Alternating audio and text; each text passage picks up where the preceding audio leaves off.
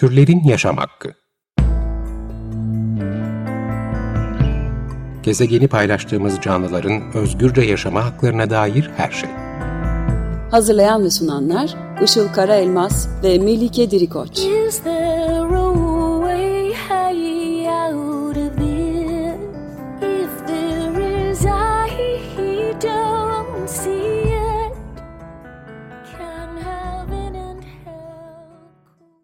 Merhabalar. 95.0 Açık Radyo'da Türlerin Yaşam Hakkı programı başladı. Ben Melike Dirikoç. Merhabalar, ben de Işıl Karaelmaz. Bu haftaki destekçimiz Ali Şahin Kaya'ya teşekkür ederek başlayalım. Önümüzdeki hafta pazartesi günü 1 Kasım Dünya Vegan Günü'nü kutlayacağız. E, bu sebeple bu haftayı da veganlığa ayırmak istedik. Epeydir veganlık e, konulu bir bölüm yapmamıştık.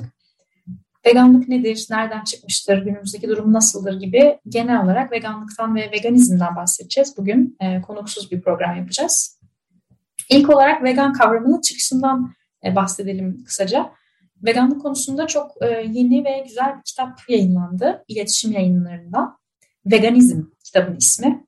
Yazarları Valerie Giraud ve Renan Laro adında, yanlış telaffuz etmiş olabilirim Fransızca isimler, iki akademisyen ve de e, hayvan hakları e, savunucuları. Türkçe'ye çeviren de Hazal Luz.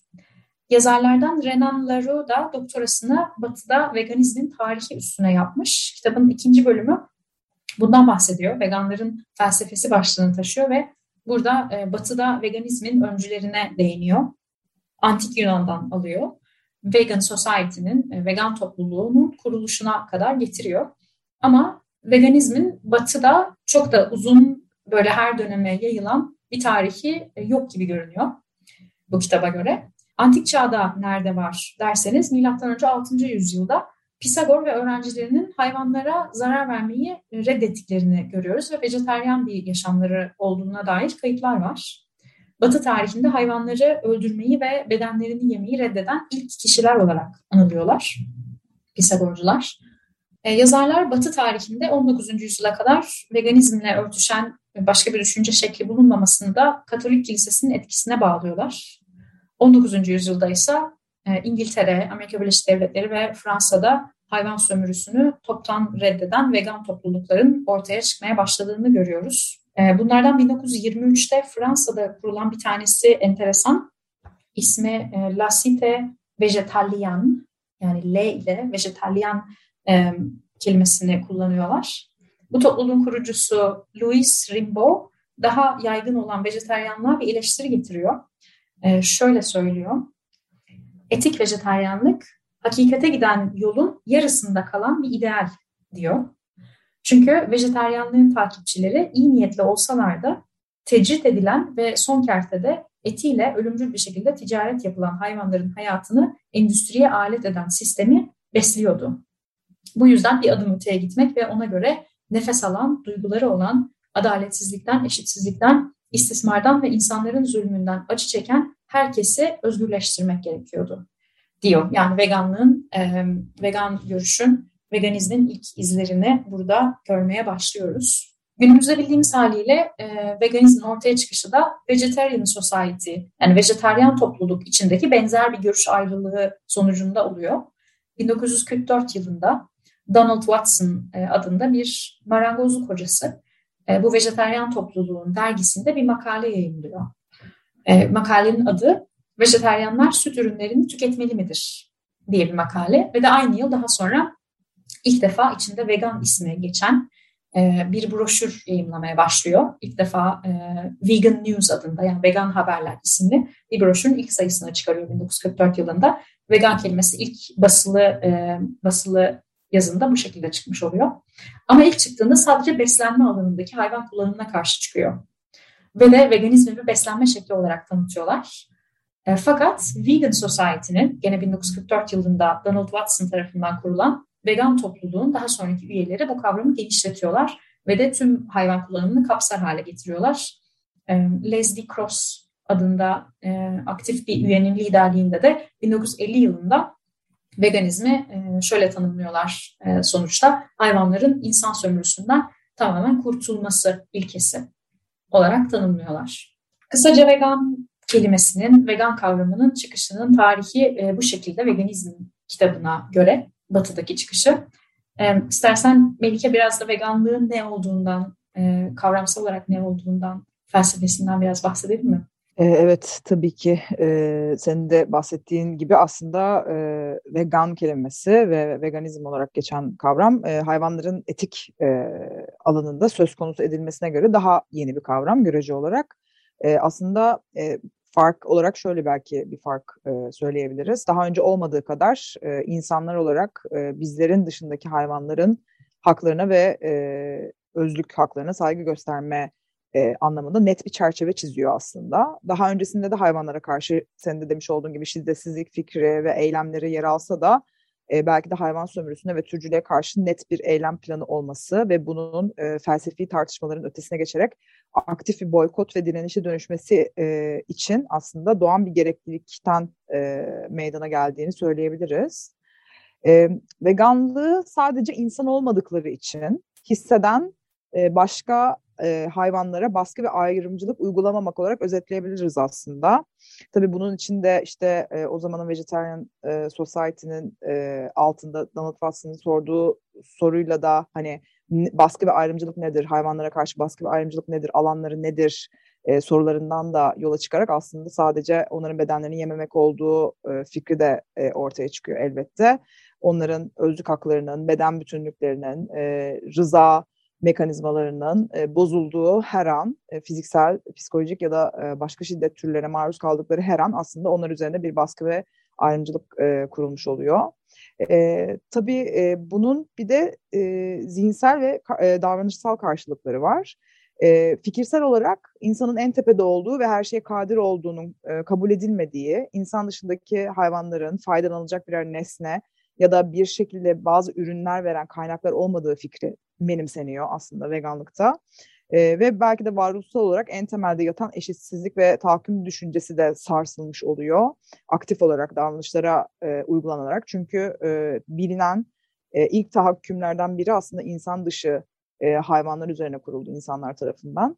E, ve e, zaten bu düşüncenin kabulüyle de aslında e, hayvanların zarar görmeme haklarının, özlük haklarının olduğu ve kendi çıkarlarımız için kullanmamızın yanlış olduğunu e, düşünüyoruz ve e, bu sömürü üzerine kurulu sistemin değişmesi için de e, aktif olarak bir direniş sergilemiş oluyoruz. E, bu sistemin alternatiflerini e, benimsenmiş oluyor ve e, aynı zamanda alternatifler oluşturulmaya da başlanıyor bir yandan. E, zaten e, işte beslenme sistemi başta olmak üzere bütün alanlarda hayvanların kullanılması artık bugün biliyoruz ki en baştan gereksiz işte en basitinden e, şu en çok konuşulan şeylerden biri olan protein ihtiyacını ele alırsak mesela yeniler hayvanlarda zaten proteini bitkilerden alıyor. Çünkü baktığımız zaman proteinin temel yapı taşı aslında bitkilerde bulunuyor. E, insanlar olarak bitkileri direkt yemek yerine arıcıyı yiyerek aslında e, bu işin etik olmamasının e, yanı sıra oldukça verimsiz ve kötü etkileri olan saçma bir sistemde benimsenmiş oluyor. E, bugün geldiğimiz ahlaki kavrayış, insan etkisiyle e, dünyayı yok olmaya götüren iklim krizi ve her yerden fırlayan gıda adaletsizliği, çevresel kirlilik, türlerin yok oluşu, sosyal adaletsizlikler gibi meseleler de zaten hayvanların kitlesel e, olarak gereksiz yere e, öldürüldüğü, acı çektiği ve esaret altına alındığı bu sistemin bir yandan da ne kadar yanlış olduğunu ve ne kadar e, gereksiz olduğunu e, başka göstergeleri. E, ve aslında benim her zaman düşündüğüm bir şey var. Gerçekten en acı olan şey de bu sistemi eğer istersek teknik olarak e, yarın değiştirebilecek e, şekilde alternatiflerimizin hazır şekilde olması. Ancak tabii araya bir sürü ekonomik e, ve politik çıkar ilişkileri girdiği için e, ve o kadar işte e, kompleks ve birbirine geçmiş sistemler e, kurgulandığı için bu adımlar maalesef yarın hemen e, teknik olarak atılabileceği halde atılamıyor. Ve maalesef ki yine hayvanlar bunları yaşamaya, her gün, her saniye e, insanlar hastalanmaya e, ve ekosistemde zarar görmeye devam ediyor maalesef ki. Evet, günümüzde bir de veganlık deyince, e, vegan lafını duyunca insanların aklına ilk gelen şey hayvan özgürlüğü mücadelesi olmuyor ne yazık ki. İşte sadece bitkilerle beslenen e, kişiler akla geliyor ve bunun bir beslenme şekli olduğu tabii ve bu tanım üstünden de veganlık bambaşka yerlere çekiliyor. E, bu toplumsal yapıyla alakalı bir durum ve toplumdaki algılarla ilgili bir durum. Bu hayvanları sömürmenin normal olduğu yapı nasıl kurgulanıyor bu algı? Evet, e, veganlığın öncelikle karşı olduğu sistem içinde zarar gören esas özneler üzerinden okunması ve kabul edilmesi için e, ilk koşul olarak insan merkezi bakış açısının ve türcülüğün sarsılması, sorgulanması ve değiştirilmesi gerekiyor. E, çünkü baktığınız zaman veganlık aslında bir sonuç. Yani birilerinin insan olmadıkları için karşılaştıkları sömürü, baskı, tahakküm ve tür kıyımının yanlış olduğunu düşünmenin ve ona karşı durmanın bir sonucu. Ancak e, bu sonucun nedenlerini anlamadan, esas özneleri söz konusu etmeden meseleler yine insan merkezci okunabiliyor ve böyle olduğu zaman veganlığı e, bir nedenin sonucundan ziyade nedeni muğlak e, ya da belki görünmez kılınan bir eylem, bir tercih olarak e, görme durumunun ortaya çıktığını görüyoruz. E, veganlıktan konuşulurken e, mesela ne kadarında hayvanlardan ve yaşadıkları korkunç şeylerden bahsediliyor. E, en azından biliyoruz ki bugün ana akım medyada ya da genel olarak kamuoyunda e, bunlardan bahsedilmiyor. Bunun yerine sadece işte yemek tarifleri ve hatta maalesef çoğu zaman kalorisi yemek e, düşük yemek tariflerinden, işte fit olmaktan, e, veganların nasıl insanlar olduğundan ya da veganlığın sağlık açısından nasıl olduğundan bahsedildiğini görüyoruz ve genelde bunlar spekülatif şekilde bahsediliyor. Çok bir bilimsel aslında altyapısı olmadan bahsediliyor. E, konuyu işte bitkisel beslenme olarak belki ayrıca ele alabilecekken bunun yapılmadığını görüyoruz ve e, hani veganlık ve bitkisel beslenme sanki aynı şeymiş gibi belki de lanse ediliyor. E, ama baktığımız zaman insan olmayan hayvanları konuşmadan zaten e, hayvanlara adaletin bir sonucu olan veganlığı anlayabileceğimizi düşünmüyorum. E, bu garip olurdu, saçma olurdu. E, çünkü aslında beslenmede yediğimiz şeylerle hayvanlara adalet konusu farklı şeyler. E, tamamen aynı şeyler değil. E, mesela bir insan bitkilerle besleniyor olabilir ancak e, türler arası eşitliğe inanmıyor olabilir. Ya da hayvanların değersiz olduğunu da düşünüyor olabilir. Hatta ve hatta bitkisel beslenip aslında bugün e, çoğu kişinin e, ortaklaşa olarak hani konsensusa vardığı hayvanları avlanarak öldürme, hayvanları eğlence için tutsak edilen e, yerlere gitme gibi eylemlerde de bulunabilir bu kişi. Dolayısıyla aslında etik bir meselenin e, varlığından ya da etik bir e, kaygıdan e, konuşmadığımız zaman veganlıktan da konuşamayacağımızı söyleyebiliriz. E, peki neden böyle konuşuluyor diye baktığımızda aslında e, ana akım medyada sürekli e, bu şekilde işte yemek üzerinden ya da spekülasyonlar üzerinden ya da magazinsel haberler üzerinden veya işte böyle bir trendler üzerinden e, veganlığın okunduğunu görüyoruz. Neden? E, çünkü aslında çoğu mesele gibi toplumsal bir dönüşüm aslında bir noktaya gelmeden hatta bazen gelse bile bir konu esas e, alt metniyle değil tüketimi olabilecek yansımasıyla ele alınıyor. Yani başka bir deyişle aslında veganlığın etik olarak konuşulması birilerine para kazandırmıyor.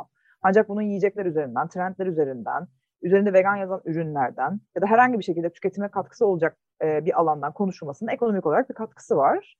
E, aynı zamanda bununla beraber etik üzerinden konuşulmasının bırakın hani para e, kazandırmasını para kaybettiren de bir tarafı var. Çünkü statüko hayvanları sömürmek ve e, onları metaya dönüştürmek üzerinden devasa bir ekonomik değer e, elde ediyor e, ve bu biçimde kurgulanmış durumda. Bunu bu, bulabilecek şeyleri kendi yararına dönüştürmekte üstüne yok aslında bu sistemin. E, böyle olunca e, aklıma hani başka örnekler de geliyor. Örneğin üzerinde işte feminist yazan e, bazı tişörtler satan işte markalar olduğunu görüyoruz. Fakat bu markaların arka tarafına baktığımız zaman bu tişörtlerin, bu ürünlerin fakirleştirilmiş sömürge ülkelerinde çoğunlukla emekleri kesinlikle e, verilmeyen e, kadınlara yaptırıldığını görüyoruz ve burada aslında bir oksimoron durumu oluşuyor ve meselelerin içi boşaltılıyor ve artık e, mesele e, o karşı çıktığı şeyin bir parçası haline getirilmiş oluyor. E, bir nevi sistem onu hazmediyor ve e, kendi istediği şeye dönüştürüp kusuyor diyebiliriz. E, tabii ben mücadeleye karşı e, kazanabileceği anlamına gelmiyor ama maalesef ki bu durumlar süreci e, epey yavaşlatıyor ve zorlaştırıyor diyebiliriz. E, şimdi programın ortasına geldik. Bir e, şarkı çalacağız. Bugün e, veganlığı konuşuyoruz. Vegan bir müzisyen seçtik. Moby'den This Wild Darkness şarkısını dinliyoruz. Müzik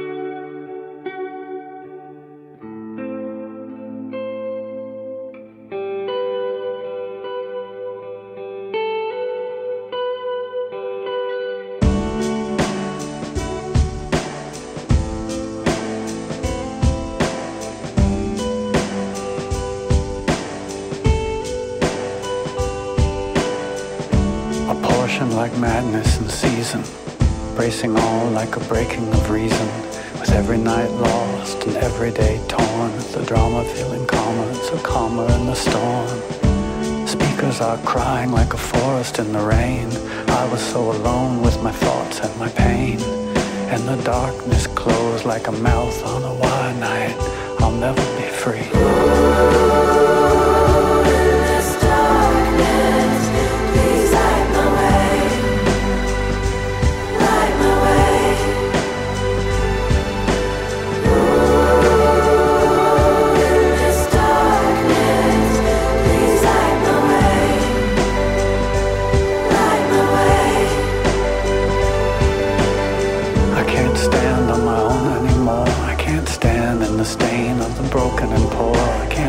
What I held and it never was true. In the mirror, what I said was a lie to you and me and everything I see and everything I could. Tried so hard to be good for myself, for you, for the hidden and divine, for everything. But I can fail just so many times.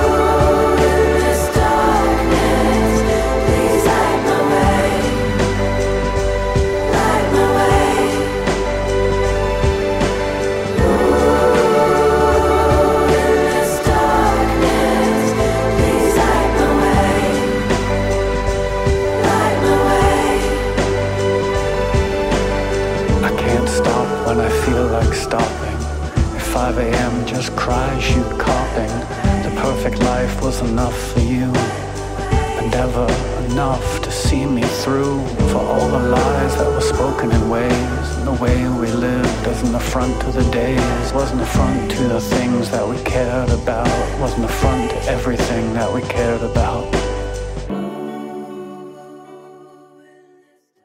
95.0 Açık Radyo'dasınız. Türlerin Yaşam Hakkı programı devam ediyor.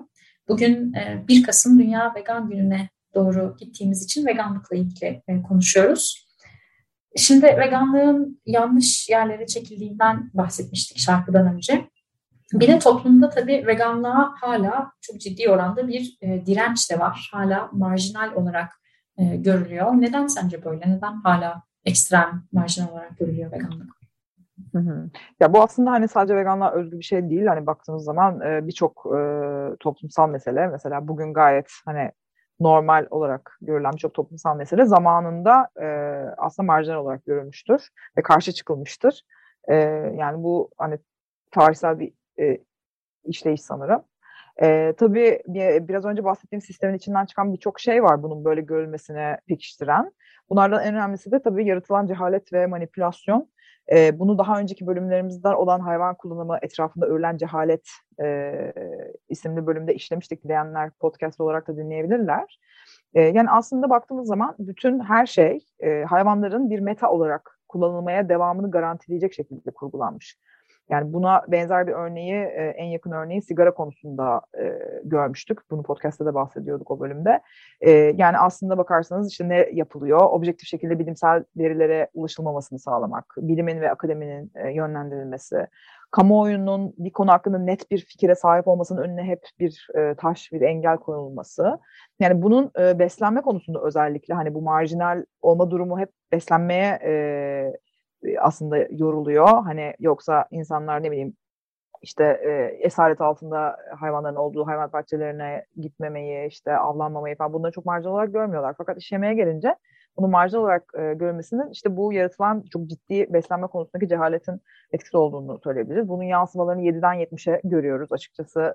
Benim anneannem bile diyordu işte her gün bir şey söylüyorlar ne yiyeceğimizi şaşırdık. Hani televizyon açıyoruz bir gün bir şey söylüyorlar, diğer gün başka bir şey söylüyorlar gibi. E, aslında e, baktığımız zaman evet yani e, zaten inanılmaz bir kaos var, inanılmaz bir bilgi kirliliği var. E, bunu birçok meselede görüyoruz. İnsanlar hani gruplara ayrılıyorlar ve e, işte hangi bilgiye daha sık maruz kalıyorlarsa belki e, ona e, inanmaya, onun doğru olduğunu düşünmeye başlıyorlar aslında. İşte e, bir dönem mesela e, beslenme konusunda işte kolesterolün kalp damar hastalıklarının baş nedenlerinden biri olduğu ve kalp damar hastalıklarında baş ölüm sebeplerinden biri olduğu konuşulurken işte bir zaman sonra neredeyse kolesterolün e, süper bir şey olduğu ve katı yağları çayımıza bile koymamızın iyi olduğuna yönelik söylemler duymaya başlıyoruz. E, tabii burada e, insanların e, bir itaat yatkınlığı da olmuş oluyor. İşte authority bias dediğimiz otoriteye karşı e, geliştirilen bir işte seçicilik ve hani otoritenin dediği şeylere daha çok inanma ve uygulama e, durumu diyebiliriz buna. E, işte hatta bunun örneklerini de çok sık görüyoruz. İşte bir doktor örneğin çıkıp e, ulusal bir televizyonda bir kanalda bunu söylüyorsa çoğu insanlar tarafından doğru kabul ediliyor. Zaten işte bilimsel okur yazarlıkta e, hani e, derecesine göre e, insanlar kendileri bir şey araştırmadan aslında o bilgiyi alıp kendi hayatlarına uyguluyorlar. Hatta geçen bir kafede otururken kulak misafiri oldum. İşte e, yanda bir masada konuşuluyordu. İşte X ünlü diyetisyen çayınıza tereyağı koyun dedi. İşte yağ yakımını hızlandırıyormuş. O yüzden hepimiz bunu yapalım. Çok iyi. Çünkü X ünlü diyetisyen bunu söyledi gibi bir konuşmaya kulak misafiri oldum. E, tabii bu yaratılan cehaletin e, üzerine bir de insanların artık yapmayı benimsediği, yapmanın işte çok kolay hale getirildiği, adeta otomatikleştirildiği, e, normal, norm haline getirildiği bir sistemin içine saplanıp kalma hali de var. Yani öyle bir şey oluyor ki artık e, gerçekten davranışları düşünmez hale geliyoruz. E, otomatik olarak e, uyguluyoruz. E, zaten yanlış olan şeyler görünmez hale getiriliyor. Yani işte bir markete gittiğiniz zaman e, hayvanların e, sütünden yapılma peynirini ya da onlara ait olan yumurtalarını almanın yanlışlığını görmüyoruz. Orada sadece bir takım e, plastiğin içinde sarılı ve yemek olarak bizlere lanse edilen e, bunun e, bu yemek olmasının çok normal olduğu düşündürten e, bir takım maddeler görüyoruz. E, ve tabii böyle olunca da aslında e, hayatımızda otomatikleşen birçok davranış gibi bunları e, yapmaya devam ediyoruz ve e, hayvanların neler yaşadığı hakkında gerçekten çok bir fikrimiz olmuyor. Olsa bile bu çok e, arka planda kalıyor, çok silik kalıyor. E, bir yandan da tabii onların hayatlarının önemsiz olduğu düşüncesi de işin içine giriyor. Türcülük de işin içine giriyor. Yani işte hayvanlar bizim için varlar zaten onları ye, yememiz çok doğal. Yani bunun için ölmelerinde bir sorun yok ya da işte bunun için kullanılmalarında bir sorun yok gibi aslında bu türcü sistemin tabii e, düşünceleri de e, beynimize işleniyor. Ve buna e, aynı zamanda mecbur olduğumuz ve bu konuda çaresiz olduğumuz düşüncesi de e, aslında e, pompalanıyor sürekli. İşte proteini başka türlü alamayız, kalsiyum başka türlü alamayız. Hep bizim e, bunlara mecbur olduğumuz fikri maalesef aşılanıyor. E, ve bu düşüncelerle, e, bu fikirlerle davranışlarımızı aslında bir yandan rasyonalize ederken bir yandan da e, yaşanabilecek herhangi bir bilimsel, bilişsel uyumsuzluk anında da e, hemen kullanabileceğimiz psikolojik savunma mekanizmalarıyla da çevriliyiz. E, çünkü aslında bu kadar hengamenin, bu kadar kaosun içinde kendimizi e, kötü hissetmek de istemiyoruz. O alıştırılan, bize alıştırılan konfor alanı, otomatikleşmiş davranışlar maalesef ki o alışkanlık e, dürtüleri nedeniyle de bir yandan kendi kendilerini devam ettirmek istiyorlar. Bu yüzden de hani tadımız kaçmasın gibi bir e, sürekli bir aslında en çok da karşılaşılan işte bu denial denilen inkar etme haline belki bürünebiliyoruz. Ve e, bir nevi bizden aslında özel olarak çalışan ve bizi sürükleyen bir sistemin e, içinden çıkamayacak kadar güçsüz ve kontrolsüz hissedip hani bir yandan da bu durumu e, bir yerden gelen bu telkin edici bilgilerle meşru hale insan getiriyor bir şekilde.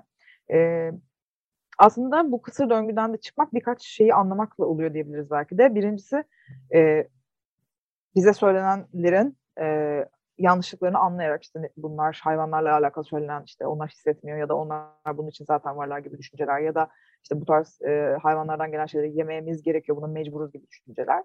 E, birincisi bunu anlayarak e, başlıyoruz. Sonra ikincisi buna mecbur olmadığımızı anlıyoruz. Alternatiflerimiz var.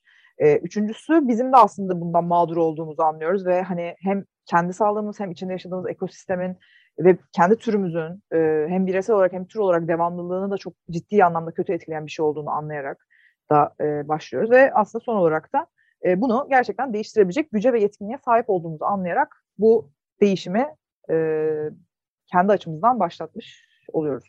Bütün bu dirence ve veganlığın yanlış algılanmasına rağmen aslında e, sayılar, araştırmalar veganların sayısının gittikçe arttığını da gösteriyor. Özellikle bazı yerlerde. Yine bu veganizm kitabına döneceğim. Üçüncü bölümün adı Veganlar ve de orada bazı istatistik bilgileri paylaşıyor. Ee, birçok batı ülkesinde son 5-10 yıl içinde yapılmış çalışmalar var ve vegan yaşam tarzının oldukça hızlı bir şekilde ilerlemekte olduğunu gösteriyor bunlar. Birkaç örnek alıntı yapayım bu çalışmalardan. İtalya'da 2016 yılındaki bir anket katılımcılarının %7.1'i e, vejeteryan olduğunu, %1'i ise vegan olduğunu söylemiş. 2015'ten bir çalışmaya göre Alman nüfusunun %1.1'i hayvansal ürünlerin tümünü kesin olarak bırakmış. Yani vegan olmuş. Bu da 900 bin kişiye denk geliyor Almanya için. Yine 2014'te yapılan bir anket İsrail nüfusunun %5'inin vegan olduğunu ortaya koyuyor. Bu e, nüfusa oranı en yüksek olan veganların sayısının en yüksek olduğu ülke İsrail. Ve de 2016 yılında e, Amerika'da yapılan bir araştırmaya göre de yetişkin nüfusunun, Amerika'daki yetişkin nüfusunun yüzde bir buçuğunun vegan olduğunu yani tam 3.7 milyon kişinin vegan olduğunu e, ortaya koymuşlar. Tabii günümüze e, gelince bu rakamlar daha da artmıştır. Yeni çalışmalar çıktıkça göreceğiz bunu muhtemelen. Ama bu şu demek değil, onu da söylemek lazım. Veganlık e, lineer olarak tüm dünyada gittikçe artıyor ve de yakın gelecekte hayvan sömürüsü tamamen sona erecek demiyoruz. Bunu diyemiyoruz ne yazık ki. Özellikle çünkü biliyoruz ki gelişmekte olan ülkelerde et süt gibi hayvansallara olan talep gittikçe artıyor. Ve bu talep de gezegenin de kapasitesini çok aşan e, bir hale geliyor. Ekolojik krizlere, acil durumuna e, sebep oluyor. Bunları da konuşmuştuk diğer bölümlerde. Ama yine de belli yerlerde, belli ülkelerde bu farkındalığın gelişiyor olması veganlık açısından tabii çok olumlu bir gelişme.